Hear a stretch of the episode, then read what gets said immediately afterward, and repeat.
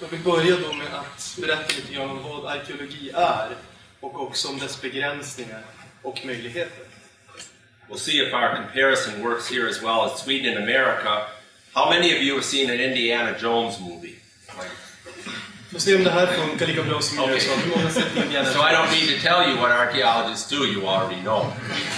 Då behöver jag inte säga vad arkeologer gör, då har redan sett det på film.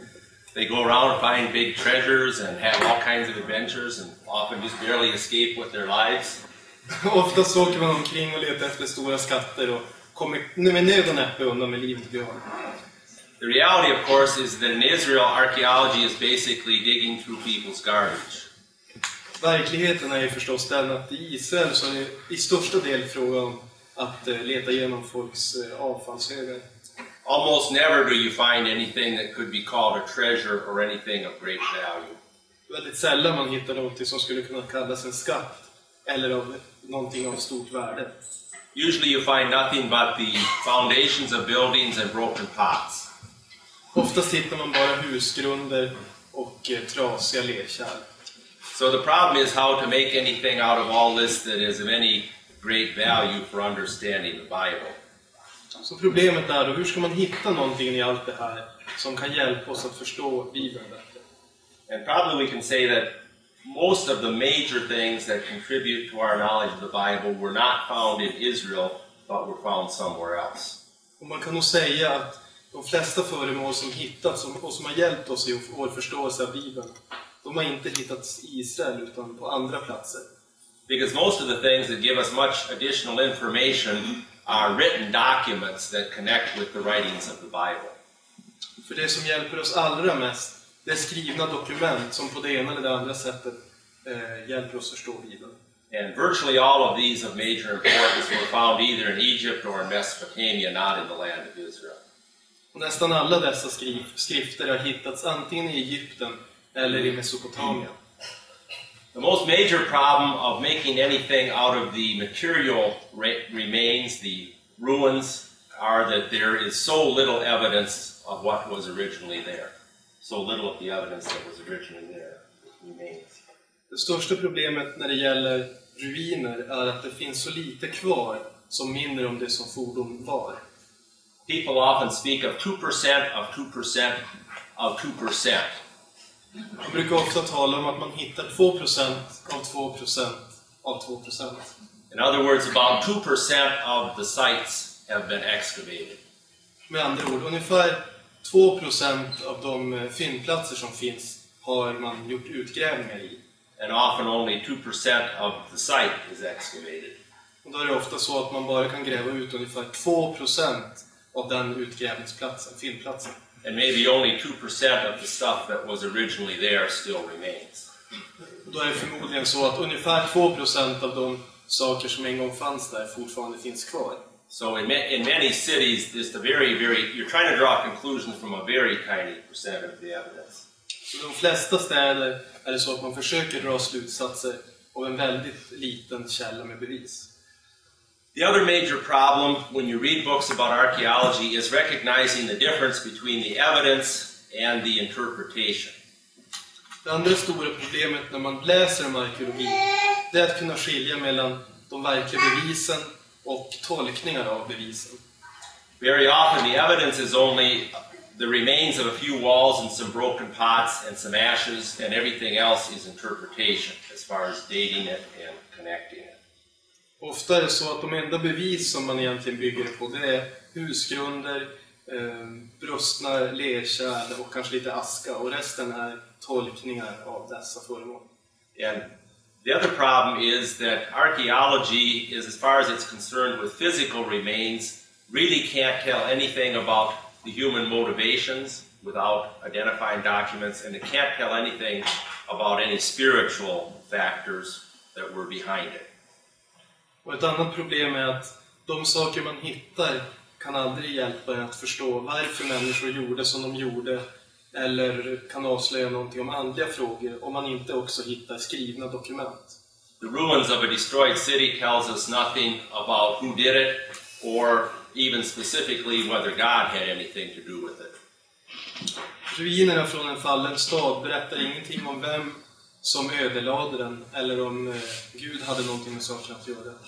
For example, you can't really distinguish between a fire caused by earthquake and fire caused by war in many cases.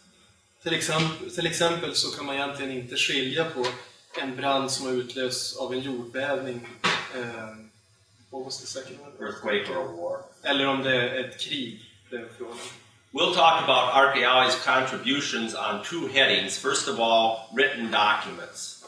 Vi ska tala om arkeologins bidrag under två rubriker och den första är skrivna dokument. Some people wouldn't count written documents as part of archaeology because the people that study the documents are linguistic scholars, not archaeologists.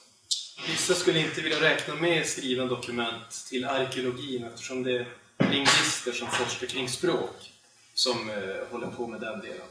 But since these documents have been recovered by archaeology, I'll discuss them as part of archaeology. Men eftersom dessa dokument har funnits av arkeologer så kommer jag att innefatta det i min diskussion om arkeologi. Archaeology has discovered many documents in the last two centuries that either confirm an event in the Bible or maybe give us more information about an event described in the Bible. Eh, arkeologin har hittat många dokument som antingen bekräftar eller ger mer fakta kring bibelhistorien. I'll just give a few examples of some of the more important ones. Jag ska ge några exempel på de allra viktigaste. Perhaps one of the most famous examples is the time when the Assyrian king Sennacherib came and destroyed most of the cities of Judah and almost destroyed Jerusalem. Kanske allra mest kända är den gången eh, kungen Sanherib eh, attackerade Judas städer och nästan lyckades förstöra Jerusalem. In the last century, Sennacherib's account of this campaign was discovered and translated. Under det senaste århundradet så hittade man Sanheribs egen berättelse kring sitt anfall. It's very interesting to compare it with the account in the Bible. Det är väldigt intressant att jämföra hans återgivelse med Bibelns berättelse. The biblical account says Sennacherib destroyed all the cities of Judah except Jerusalem and was forced to withdraw when the angel of the Lord destroyed his army. Bibeln säger att Sanherib lyckades förstöra alla Judas städer, men in, utom Jerusalem, och att han var tvungen att dra sig tillbaka eh, efter att Herrens ängel what did the angel do? Destroyed his army. Eh, förstörde hans armé.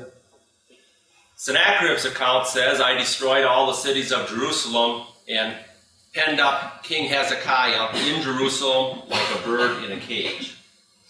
Eh, Sanheribs eh, berättelse berättar om att han lyckades förstöra alla Judas städer och att han hade lyckats trycka tillbaks israeliterna eh, ändå till den heliga staden Jerusalem. And then he went home.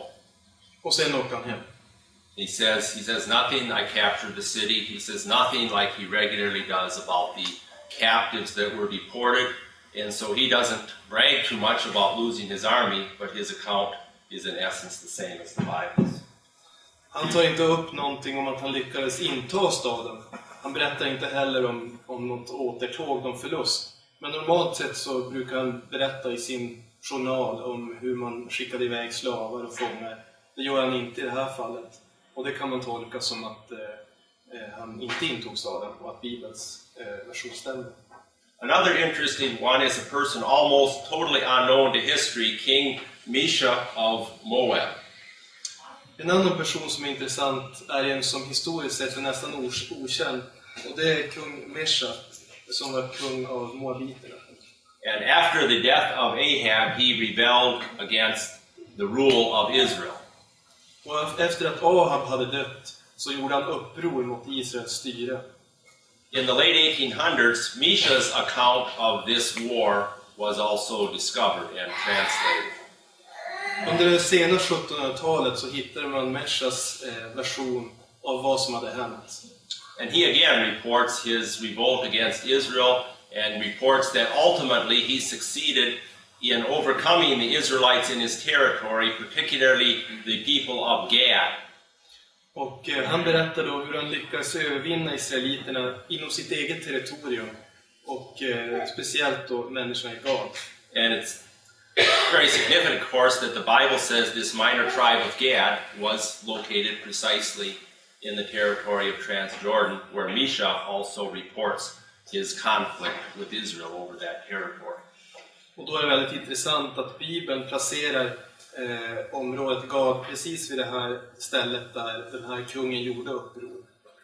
There are very few people, of course, who denied the existence of Pontius Pilate. He was well known from Roman records also. Pontius Pilatus är en väl, välkänd historisk figur som ingen egentligen förnekar hans existens. Han var känd inom romarriket och deras eh, litteratur. But it still is very interesting that at Caesarea, an inscription, a building inscription of Pontius Pilate with his name on, was found. Uh, something that he built during the time he was governor. Men det är ändå intressant att under den tiden att han, han var guvernör så har han tydligen gjort en inskription i Caesarea där han skriver sitt namn, som det gjorde han då under sitt styre. In biblical interpretation today, there's a school called the minimalists who believe that virtually nothing in the Bible is historical. Inom bibeltolkningen idag, bibelforskningen, så finns det en linje som minimal, minimalisterna. Och de tror att bara en väldigt, väldigt, väldigt liten del av Bibelns historiska redogörelser är sanna. You may have heard of them since they're the, one of the major centers of this school of thought is Copenhagen. Vi kanske har hört talas om dem eftersom ett av deras viktigaste säten finns i Köpenhamn. And they said that, for example, David is purely a mythical figure like King Arthur and the Knights of the Round Table or something like that.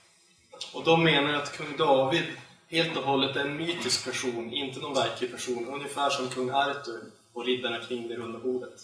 But a few years ago, at the uh, city of Dan in northern Israel, was found an inscription of the house of David, the king of the house of David. Då är det intressant att för inte så länge sedan hittade man i den israelitiska staden Dan en inskription eh, av Davids, kung Davids hus och hans sätt. The text is not complete, but it seems to refer to one of the battles when the kings of Israel and Judah fought together against the Syrians. Perhaps uh, the battle uh, just after the time of Ahab, and then when the kings of Israel were both killed by Jehu. You might have to me ja. that one. Eh, man har inte funnit hela dokumentet, men det verkar som att... eh, Men det man har funnit visar att det handlar om ett slag mellan eh, israeliterna och, eh, och juda, eh, judakrigare som slog sig tillsammans mot en syrisk konung. And it may be the time when the king of Israel and Judah were killed by Jehu, since it seems to refer to the death of these two kings. Och dessa två kungar, den israelitiska och den judeiska, eh, kan vara den gången de blev dödade av sin motståndare. Just to show how far the minimalists will often go to believe anything but the Bible, they make great efforts to claim this text does not refer to David.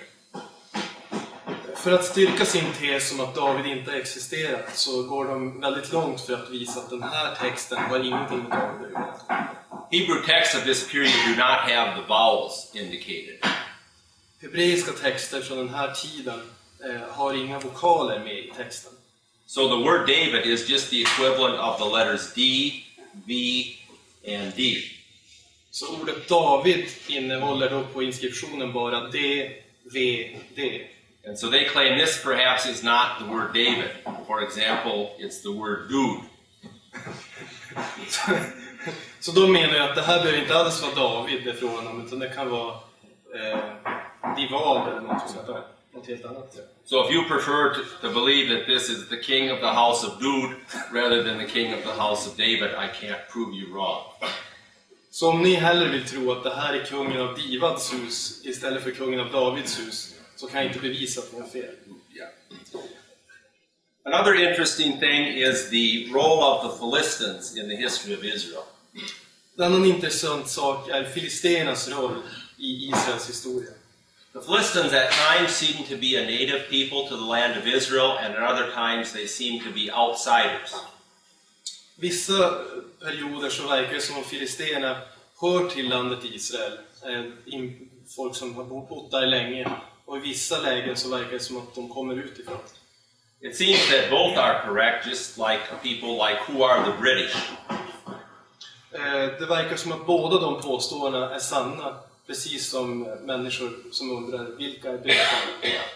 And Egyptian records have been found that talk about the Philistines and other people becoming especially stronger and coming from across the sea just before the time of Saul and Samson.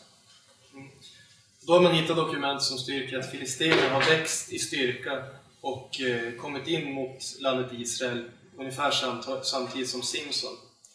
This would help explain the quite different character of the Philistines at the time of Abraham, for example, and at the time of Saul. Det skulle kunna förklara de olika bilderna man har av filisterna, dels under Abrahams tid och dels under Sauls tid. Another very interesting find was some letters found at Amarna in Egypt. Ett annat intressant fynd är några brev som man hittade i Amarna i Egypten. These letters are basically the diplomatic correspondence between the pharaohs of Egypt and various surrounding rulers.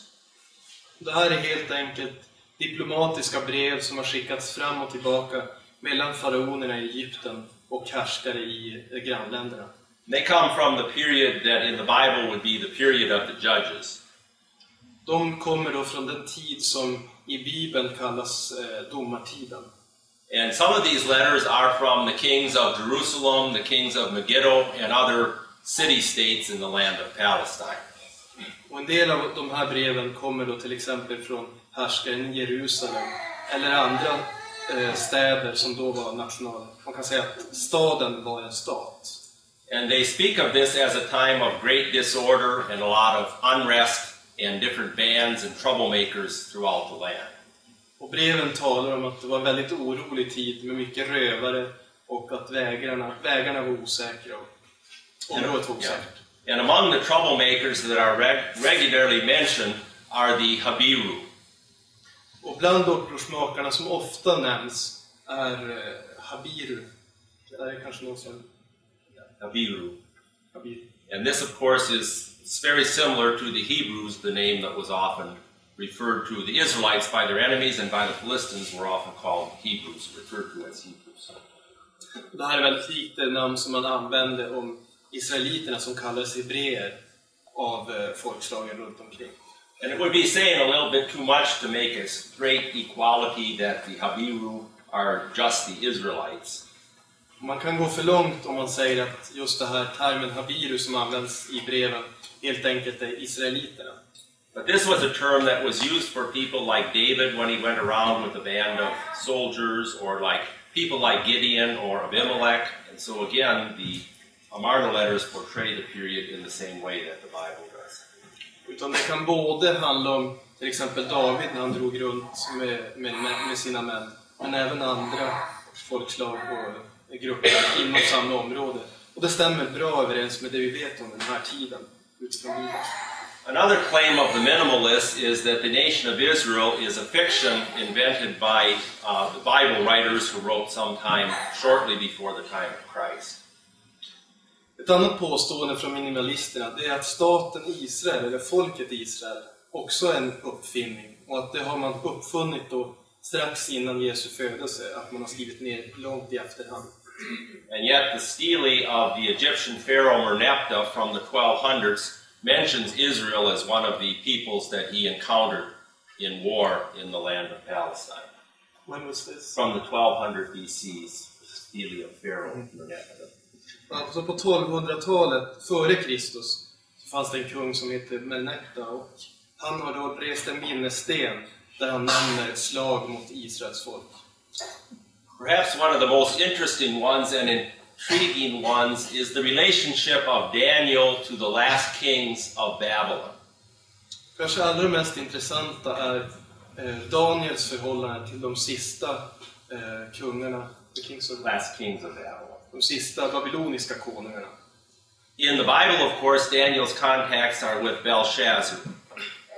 Eh, I Bibeln så har ju Daniel kontakt med Belsassar.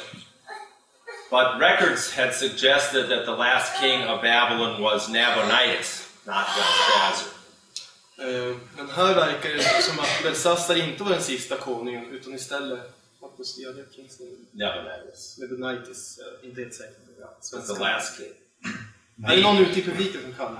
Nabonidus. Nabonidus. Tack. As more records about Nabonidus came to light, it was clear that he was a little bit of an odd character. Efter att mer material har kommit fram om kung Nabonidus så verkar det som att han var en liten eh, kuf. He went off to the desert and did things with his own gods and stuff and was not taking care of his business in Babylon. Det verkar som att han istället för att ta hand om eh, sina uppgifter i Babylon åkte ut i öknen och tillbad sina egna gudar. It seems very likely then that Belshazzar was running the administration and Nabonidus was off in the desert doing his thing. Och därför verkar det troligt att Belsassar var den som fick sköta eh, de göromål som måste klaras av, medan Nabonidus var ute i öknen och skötte sitt. There's one very puzzling note in the book of Daniel that at least could be explained by this. Eh, Det finns en, eh, ett faktum i Daniels bok som verkar konstigt först när man läser men det kanske kan förklara det här tillståndet. What Belshazzar promises to Daniel is that he will make Daniel the third highest in the kingdom. Belsassar lovar Daniel att han ska göra honom till den tredje högst uppsatta människan i kungadömet. And people have always wondered why not second highest? Och folk har alltid undrat, varför sa han inte näst högsta? And if Belshazzar himself was only second and his father was first, it would be very natural that third would be the highest available for Daniel. Och om det var så att Belsassar, trots att han styrde, egentligen var bara var nummer två i rangordningen, så var det naturligt att han då kunde, bara kunde erbjuda Daniel att bli nummer tre. These are just a few of examples of historical records that offer often some rather interesting comparisons with those in the Bible. Det här är bara några exempel på historiska dokument som erbjuder jämförelser med Bibelns berättelser. The other thing that these documents do is help us understand the language and the text of the Old Testament better. En annan sak, ett, annat sätt som vi kan få hjälp av de här dokumenten på, det är att vi bättre kan förstå språket och stilen i Gamla Testamentets hebreiska. In the 1800s, the only thing Hebrew scholars had to try to understand obscure words in biblical Hebrew was to try to compare with Arabic. På 1800-talet så var det enda hjälpmedel man hade att försöka jämföra med arabiska texter som man hade. And since Arabic is a Semitic language, they would try to find a word root in Arabic that would help with this rare Hebrew word. Och eftersom både arabiska och hebreiska är semitiska språk så försökte man i arabiskan hitta en, en, en rot till ordet, ett grundord kan man säga, lite enklare, som man sen då skulle kunna spåra i den hebreiska texten. In modern commentaries, Arabic is just barely used at all because now there's so much other stuff closer to the biblical Hebrew available. Moderna kommentatorer idag använder nästan inte arabiska alls därför att man har texter från språk som ligger mycket närmare bibelhebreiskan. We have a lot of texts in Akkadian, the language of the Babylonians and Assyrians. finns texter på akaidiska, kanske. Det var det språk som babylonerna använde. And perhaps most important are the texts from Ugarit or Ugarit, a city on the far north of, I guess we could say the far north of the land of Canaan. Eh, De allra viktigaste är kanske ugaritiska texter som finns, eh, som kommer från en stad långt norrut i Kanaan. Yeah. These are quite a bit north of Israel, northern Syria, and they're from about three or four hundred years before most of the biblical texts, so they come between Moses and David. De här textproverna de kommer någonstans mellan Moses och David, David och kommer då alltså också från det här norra området, Israel och Syrien. But they give us a source much closer than anything before. Men det ger oss i alla fall en, mycket, eh, en text som är mycket, mycket närmare i tid än någonting som vi tidigare haft. And there are the other smaller texts and inscriptions from the land of Israel itself in various dialects. Och sen finns det olika inskriptioner som vi har hittat, eller som har hittats eh, på olika israeliska dialekter från olika ställen. Just a comment on Hebrew. Hebrew is basically a dialect of Canaanite along with Moabite, Edomite, Ammonite, Phoenician. They're all very close. I'll- I'll- I'll just with it. Canaanite, and then the dialects are Hebrew, Moab, Ammon, Edom. Eh, Kananitiska är egentligen huvudspråket och hebreiska är en av de dialekterna.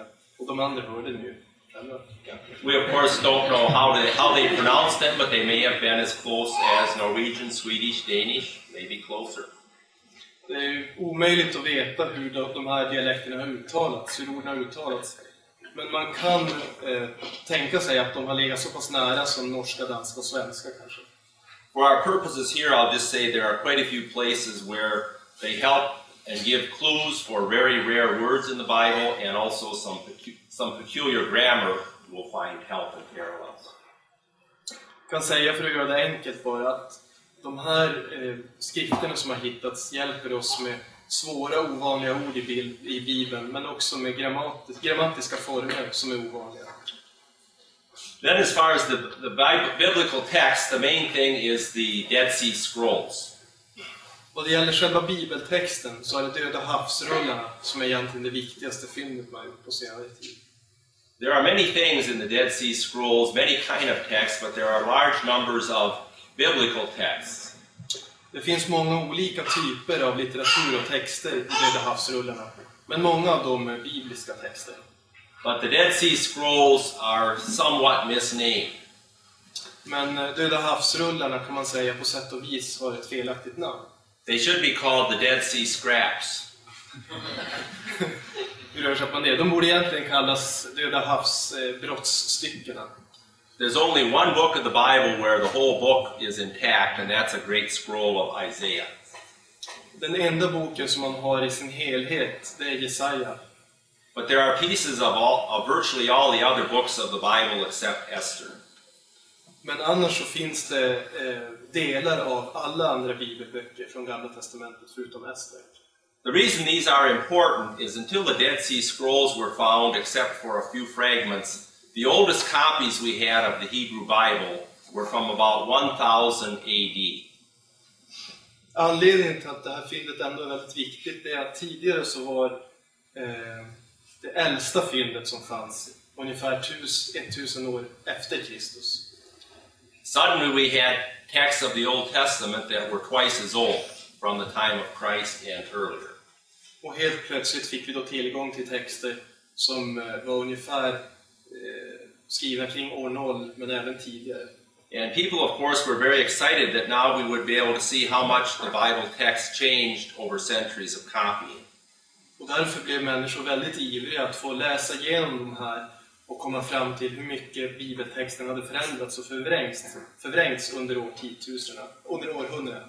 But they found that the text was basically the same. Men man märkte att texten i stort, i stort sett var exakt likadan.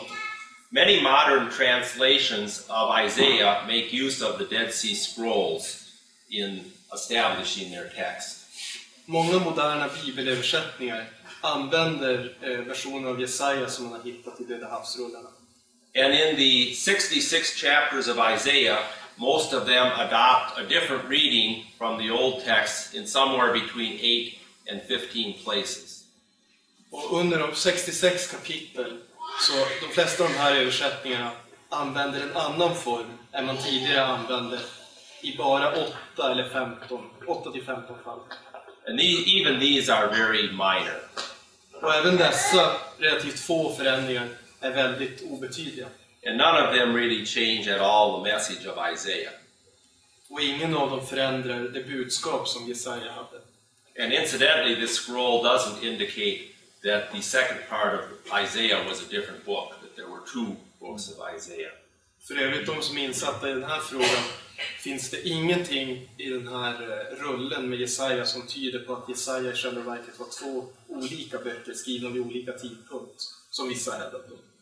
I'll just give a couple of examples of how these documents sometimes give information that provide background for the Bible. Jag ska nämna några sätt på vilka dessa dokument eh, ger oss information och bakgrundsfakta till Bibeln. Before the Ugaritic texts, we really knew very little about gods like Baal, except from what was in the Bible.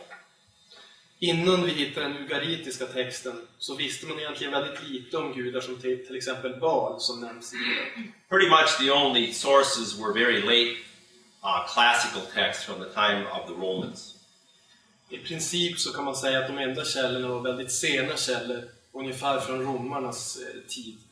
But in the Ugaritic text, there are very extensive uh, poems about the myths of the Canaanites about their gods.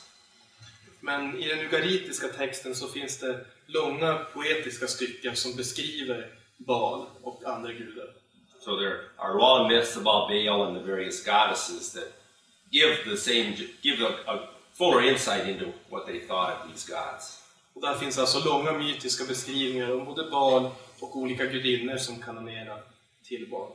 And interestingly, the poetic style of these poems is very much like the poetic style used in the Bible from the same general culture. Och intressant nog så märker man att den poetiska stilen i de här texterna är väldigt lik den poetiska stilen i Bibeln, som vi menar då är från samma tid. A particular kind of biblical poem is called acrostic, that means the beginning of each line forms some kind of message. Eh, en, ett sätt, en form som man hade i den här poesin, det var att man använde sig av akrostiskt rim kan man säga. Där den första bokstaven i varje rad tillsammans bildar ett ord eller ett, eh, något form av meddelande. Sometimes they spell a message. Ibland så blir den första bokstaven till ett meddelande. Sometimes they give a sequence like the alphabet, A, B, C, D. Ibland så, vill man, ibland så får man istället en, en sekvens i rätt ordning, till exempel alfabetiskt, A, B, C, D skulle det bli för oss. All of the biblical ones are always an alphabetic sequence. Och alla de eh, bibliska exemplen vi har på det här, då handlar det alltid om alfabetisk ordning från den första bokstaven och neråt.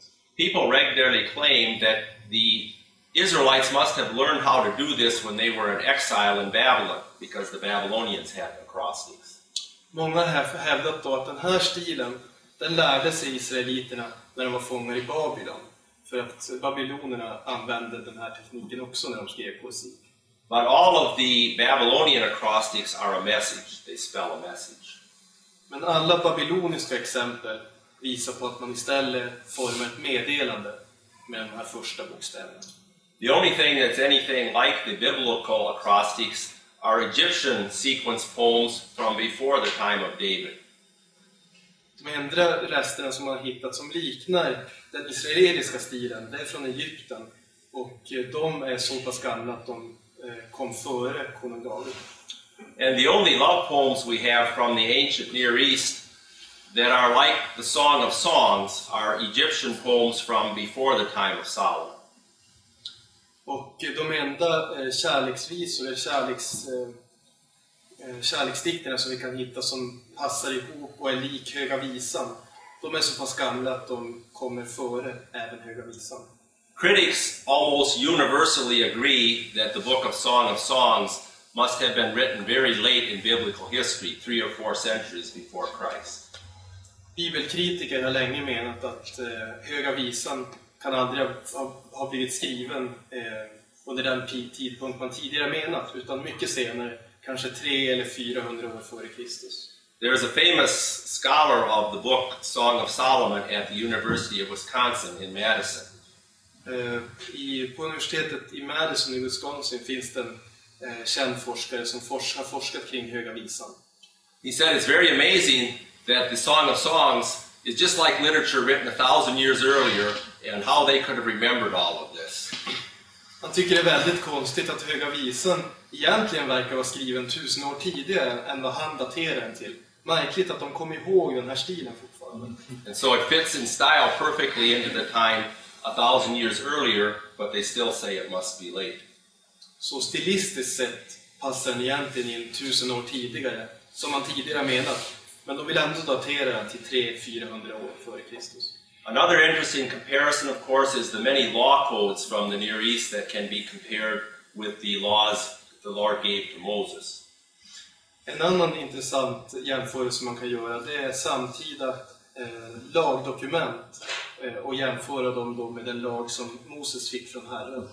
For example, the Code of Hammurabi. Till exempel den hamaritiska lagen. They show many similar laws. Hammurabis lag ska det heta. They show many similar laws that fit into the culture of the time.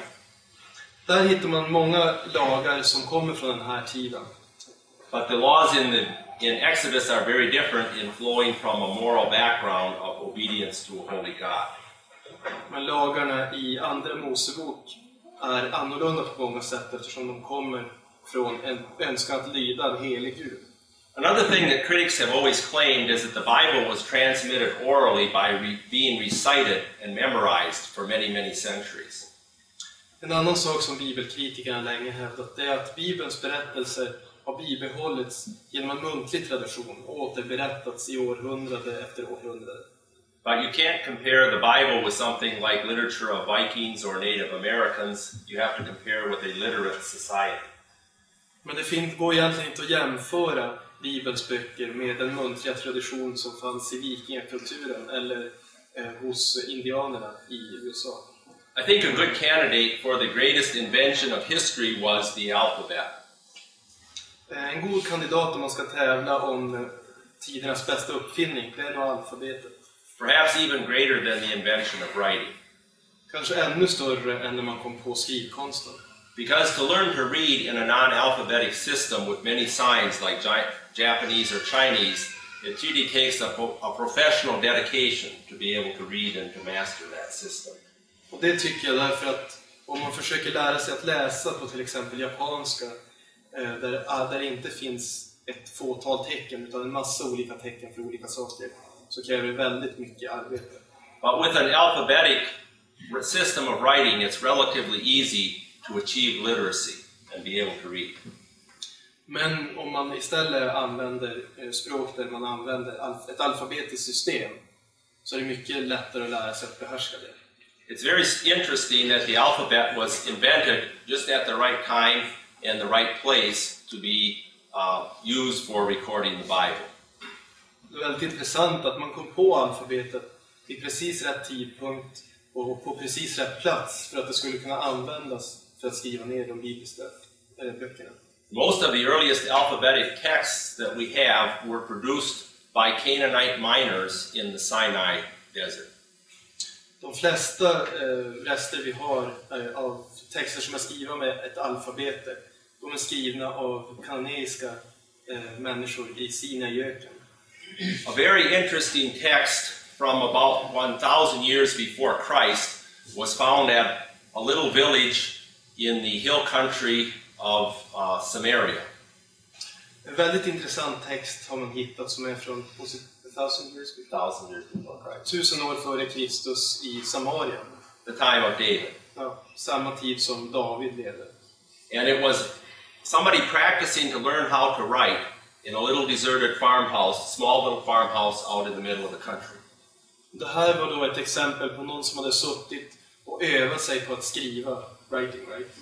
Övat sig på att skriva mitt ute i ett hus ute på landsbygden. And many of the inscriptions we have from Israel are graffiti by workers and other common people, not monumental professional texts.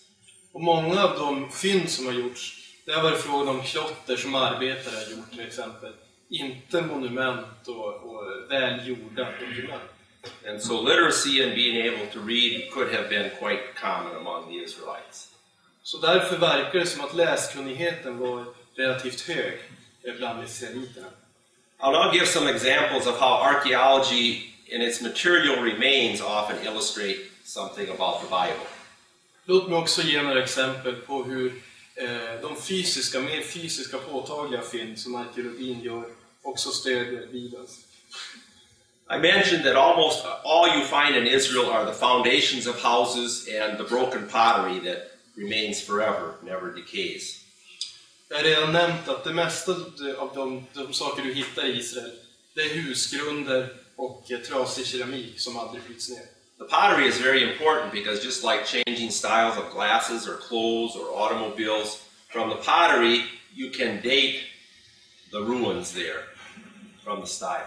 Keramiken är väldigt intressant, för det verkar som att modet har växlat vad det gäller keramik i, inom Israels folk. Ungefär på samma sätt som klädmode eller bilmode ändras hos oss. But I'll talk just about a few of the more important things that show something about the Bible. Men jag ska nämna bara några av de viktigaste sakerna som kan kopplas till Bibeln. A good trick question for a Bible test is who was the greatest builder of Israel? Eh, en bra kuggfråga om man ska fråga om eh, bibliska saker är att fråga vem var den bästa byggherren i Israels folk? Most people guess Solomon, De flesta gissar ju på Salomon, but that's wrong. men det är fel. Yeah. The greatest builder by far was Herod. Den eh, största husbyggaren var istället Herodes. And almost all of the most spectacular archaeological finds in the land of Israel were built by Herod the Great. Och de allra flesta viktiga fynd som man har gjort av byggnader i Israel, de har eh, byggts av Herodes den store. The temple foundations in Jerusalem, Eh, till templet i Jerusalem, the palaces at Masada, palatsen i Masada, the Herodian, which probably still contains his hidden tomb, Herodion som man tror fortfarande någonstans gömmer hans grav. And the great city of Caesarea, och eh, den stora staden Caesarea. and also the rebuilt city of uh, Samaria. Och också den återuppbyggda staden Samarien. And the only Herodian building still surviving in the world, the tombs of Abraham and Jacob, Machpelah at Hebron. Eh, och eh, de två enda byggnadsverken som står kvar, Abrahams, Abrahams and, Jacob. I- Abrahams och Jakob, Jakobs gravar. Another interesting thing is that archaeology has provided us with the only pictures we have of ancient Israelites. En annan intressant sak som vi har fått genom arkeologin, det är några bilder av isra israeliter. In the Assyrian palaces, pictures have been found carved on the walls that show the Israelites uh, being deported to Assyria.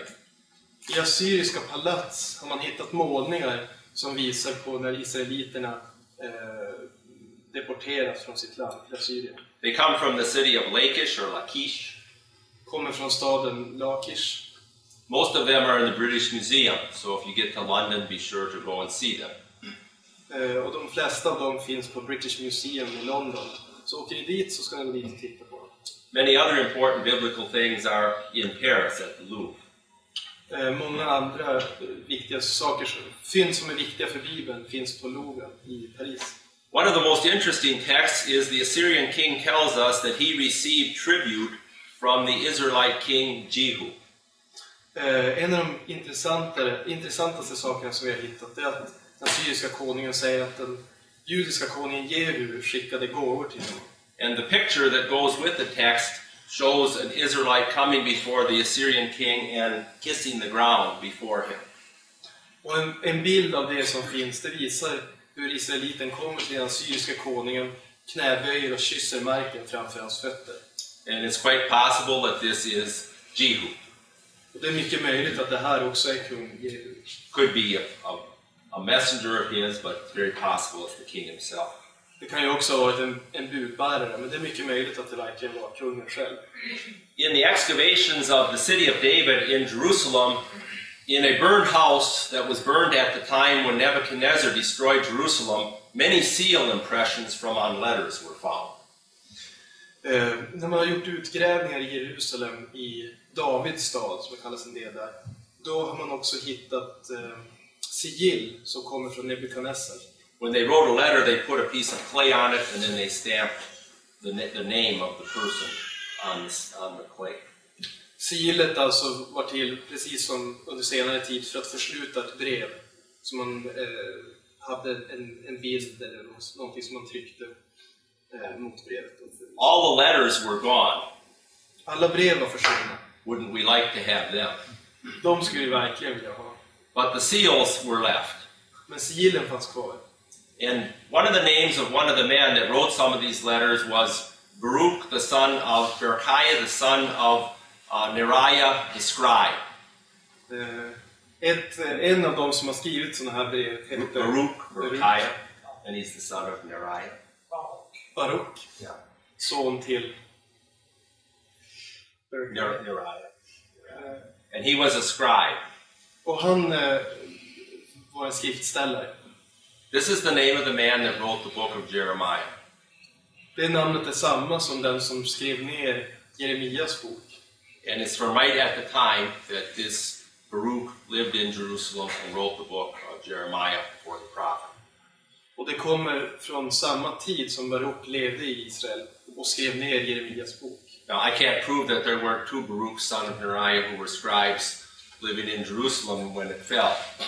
Och jag kan ju förstås inte bevisa att det inte fanns två Baruk som hade pappor som hette samma sak som bodde i Jerusalem vid den tiden för dess förstörelse. When they put their name on the letters, they held the seal, of course, and then they pressed the seal into the clay. Eh, när de hade skrivit brevet så eh, tryckte de in sigillet i leran. And one of the seals has the thumbprint of the man who sent the letter. Och ett av de här sigillen, eh, där finns, där finns eh, tumavtrycket kvar av den som har skickat brevet. This could actually be the thumbprint of the man who wrote the book of Jeremiah. Och detta skulle alltså kunna vara eh, tumavtrycket från den man som skrev Jeremias bok. And in this collection of seals, there are also the names of other men named in the book of Jeremiah. Och bland de här breven, eller bland de här sigillen då, så har man också hittat andra namn som förekommer i Jeremias bok. And so, quite a few obscure government officials named in the book of Jeremiah, their names have been found in the destruction level of Jerusalem. Så en hel del byråkrater som nämns i Jeremias bok, man har hittat deras namn också i Jerusalems ruiner. One of my special interests is the music of the Old Testament because I teach the book of Psalms. En av mina specialintressen är musiken eh, under Gamla Testamentet eftersom jag undervisar i Psaltaren. Uh, there's sheet, what we would call sheet music from Ug- Ugarit from before the time of David, where they had the music written out. Eh, Det finns ugaritiska notpapper, motsvarigheten till notpapper. How? from 300 years or so before the time of David. Ungefär 300 år före Davids tid. And there are many uh, pictures of musical instruments, stringed instruments of the kind that would have been used in the music of the temple. Och det finns många bilder, många målningar av stränginstrument som man då skulle ha använt i templet. They're pictured in various sorts of places, tombs in Egypt, and one of them is on a seal, one of these seals. De här bilderna finns på, i olika gravar runt om i Egypten och en av dem finns på ett sigill. This instrument, the Greeks translated as kitara, which is our word guitar. Eh, ett av de här instrumenten skulle då kallas kitaro, alltså gitarr, vår gitarr. And my favorite one is the guitar of Madonna, daughter of the king. Och min favorit är eh, gitarren som tillhörde Madonna, eh, kungens dotter. And her name is by it Madonna, daughter of the king. Och hennes namn står också på Madonna, kungens dotter. It's actually Madonna, but I like to read it better Madonna. Egentligen ska man uttala det Madonna, men jag tycker om att säga Madonna. Yeah. There are many other things from daily life which don't, we don't have time to go into tonight. Det finns många andra saker som man har hittat från, eh, från vardagssaker som man har hittat, men det har vi inte tid att ta upp idag. that help you understand, for example, some of the language of Jesus in the Gospels. Och dessa kan hjälpa oss att förstå till exempel Jesus språk i evangelierna. For example, where Jesus says, The man who keeps a child away from him, it would be better that he would have a millstone around his neck and be drowned in the depths of the sea. Till exempel när Jesus säger att för dem som håller barnen borta ifrån mig, för dem vore det bättre om en kvarnsten hängde, hängdes runt hans hals och han sänktes i havets djup. Today, just a few meters from a house that is believed to be the house of Peter in Capernaum, Och idag så har man hittat i ett hus som man tror tillhörde Petrus och som står i Kapernaum, there sits a millstone, så finns det en kvarsten, kvarnsten. and it's about a meter or so wide, Och ungefär sådär, ungefär sådär and maybe about this high. Ja, ni ser höjden där. Yeah. And so, if you had it around your neck and you were in the middle of the sea, it would not be good. Så om du hade den knuten runt halsen och var ute på havet så skulle det vara ett problem. I'll close with just a few concluding remarks. Jag ska sluta med några eh, anmärkningar. Archaeology shows us a lot of interesting things about the Bible, and in some cases even gives direct support for things reported in the Bible. Arkeologin visar på många intressanta saker som anknyter till- till Bibeln och ibland så styrker den också Bibelns berättelser. but it does not prove or disprove the Bible. Men arkeologin kan varken bevisa eller motbevisa Bibelns budskap. There still are many disputed situations or disputed cases. Det finns fortfarande många omdebatterade frågor. For example, at the city of Jericho, there still is disagreement among the archaeologists about the dating of the destroyed walls that are there. Och det gäller Jeriko så finns det olika arkeologer som tvistar om när man ska datera de förstörda murarna. There is important recent research that does support that these walls are from the time of Joshua. Eh, Det finns, eh, det finns efterforskningar som har visat att de skulle vara från Jo- Josuas tid. And there are falls of brick, top top of walls and falls of brick. Yeah, with brick goes. Ja. Och man har hittat exempel på att eh, stenarna har fallit ner också. But even if even if archaeologists would agree that these walls are from about 1400 years before Christ, Men även om forskarna skulle komma överens om att de, den här förstörda muren verkligen kommer från 14, ungefär 1400 år före Kristus. archaeology couldn't establish uh, who, who was there, if it was a natural disaster, and it couldn't prove that God miraculously caused this. Eh, Men även om man kan bevisa det så kan man inte bevisa vad det verkligen var som hände. Om det var en naturkatastrof eller om det var Gud som gjorde så att det inträffade. Another example is the city, the small city they attacked just after that, the city of Ai or Ai, it's pronounced both ways. Ett annat exempel är den lilla staden som man anföll efter Jeriko som heter Ai. Det gjorde ont där när jag dök upp. At the site which most people considered to be Ai, there appears to be nothing from the time of Joshua. Vid den plats där man förut har trott att den här staden Ai låg så har man inte hittat några lämningar som är från den tiden, alltså Josuas tid. But this site does not have a sign that says city limits of Ai. Men den här utgrävningsplatsen har ju inte heller en skylt där det står Du lämnar nu staden Ai.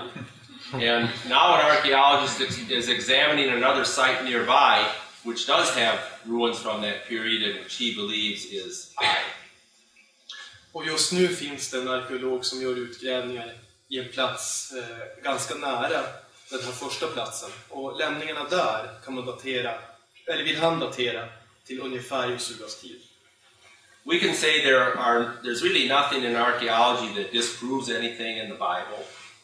Så här mycket kan man säga i alla fall. Det finns inga bevis inom arkeologin som talar mot Bibelns berättelse. But we don't look to archaeology to prove the Bible. For one thing, it's not necessary.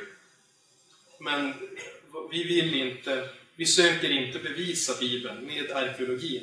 För det första så behöver vi inte göra det. And it couldn't really prove anything of what's of real importance in the Bible. De saker som är verkligt viktiga i Bibeln kan man ändå inte bevisa. I would just give you one example the two most important events Jesus' crucifixion and resurrection. Jag skulle vilja ge två viktiga exempel. Jesu korsfästelse och Jesu återuppståndelse. What would be the archaeological evidence? Vad skulle man kunna hitta för arkeologi, arkeologiska bevis? The archaeological evidence of the crucifixion would be three post holes. Den, de arkeologiska bevisen på korsfästelsen skulle vara tre hål i marken bredvid varandra. And a very skillful archaeologist can find things like post holes and pits from the different color of the soil. Och riktigt skickliga arkeologer, de kan hitta rester efter pålar, se vart hålen har varit. But archaeology could tell nothing about what happened there. Men arkeologi, arkeologin kan inte säga någonting om vad som verkligen hände där. And even if it could establish that this was a crucifixion, it couldn't begin to show that this was the Son of God who was paying for the sins of the world.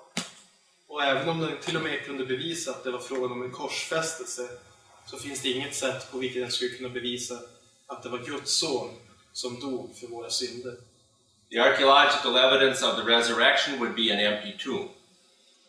De arkeologiska bevisen på återuppståndelsen skulle i så fall vara en tom grav. There are many empty tombs in Jerusalem today. Det finns många tomma gravar i Jerusalem idag. And even if we could find out which tomb was Jesus' tomb, Och även om vi på något sätt skulle kunna ta reda på vilken grav som var Jesu grav, only the Bible could tell us who was there and how he left and where he is now. så kan ändå bara Bibeln säga vem det egentligen var som var där, vart han tog vägen och var han finns nu. So we can encourage archaeology to help us understand some things about the Bible, but we finally rest our faith on Scripture itself. It needs no other witness than God. Så vi kan uppmuntra arkeologerna till att fortsätta ge oss stöd för Bibelns berättelser. Men eh, slutligen och sist så är det ändå bara eh, vår tro på Bibeln som är viktig. Och det enda vittnet vi behöver är Gud själv. Many American fundamentalists are very eager to find uh, Noah's Ark on Mount Ararat. Eh, många amerikanska fundamentalister är väldigt ivriga och försöker hitta Noas ark på berget. They, Ararat. they think if they think if they find the ark, that would make many people believe the Bible or believe in God. De tror att om man bara skulle kunna hitta Noas ark, då kan man få många människor att komma till tro och tro på Gud. But remember what Jesus said: if they don't believe Moses and the prophets, they won't believe even if someone came back from the dead. Men kom ihåg Jesu ord. Han sa, "Eh, om de inte tror på Moses och profeterna, så kommer de inte ens att tro om någon står upp från de döda. I'd be very interested in finding Noah's Ark. It would be very exciting. Jag skulle tycka det var väldigt intressant att hitta Noas ark. It might even draw some people's interest, but it will never create faith. Det är mycket möjligt att det skulle kunna skapa intresse, men det kan aldrig skapa tro. It's only the gospel that we have through the words of the apostles and prophets that can create faith. Det är bara det evangelium som predikas genom profeterna och apostlarna som kan skapa tro. And so archaeology will never be more than an interesting tool to help us understand the Bible a little bit better. Så arkeologin kan inte bli mer än ett bra och int- intressant instrument som kan hjälpa oss att förstå Bibeln lite bättre. Question, we have question? Då lämnar vi öppet för frågor här. Fråga gärna om något namn som var lite otydligt.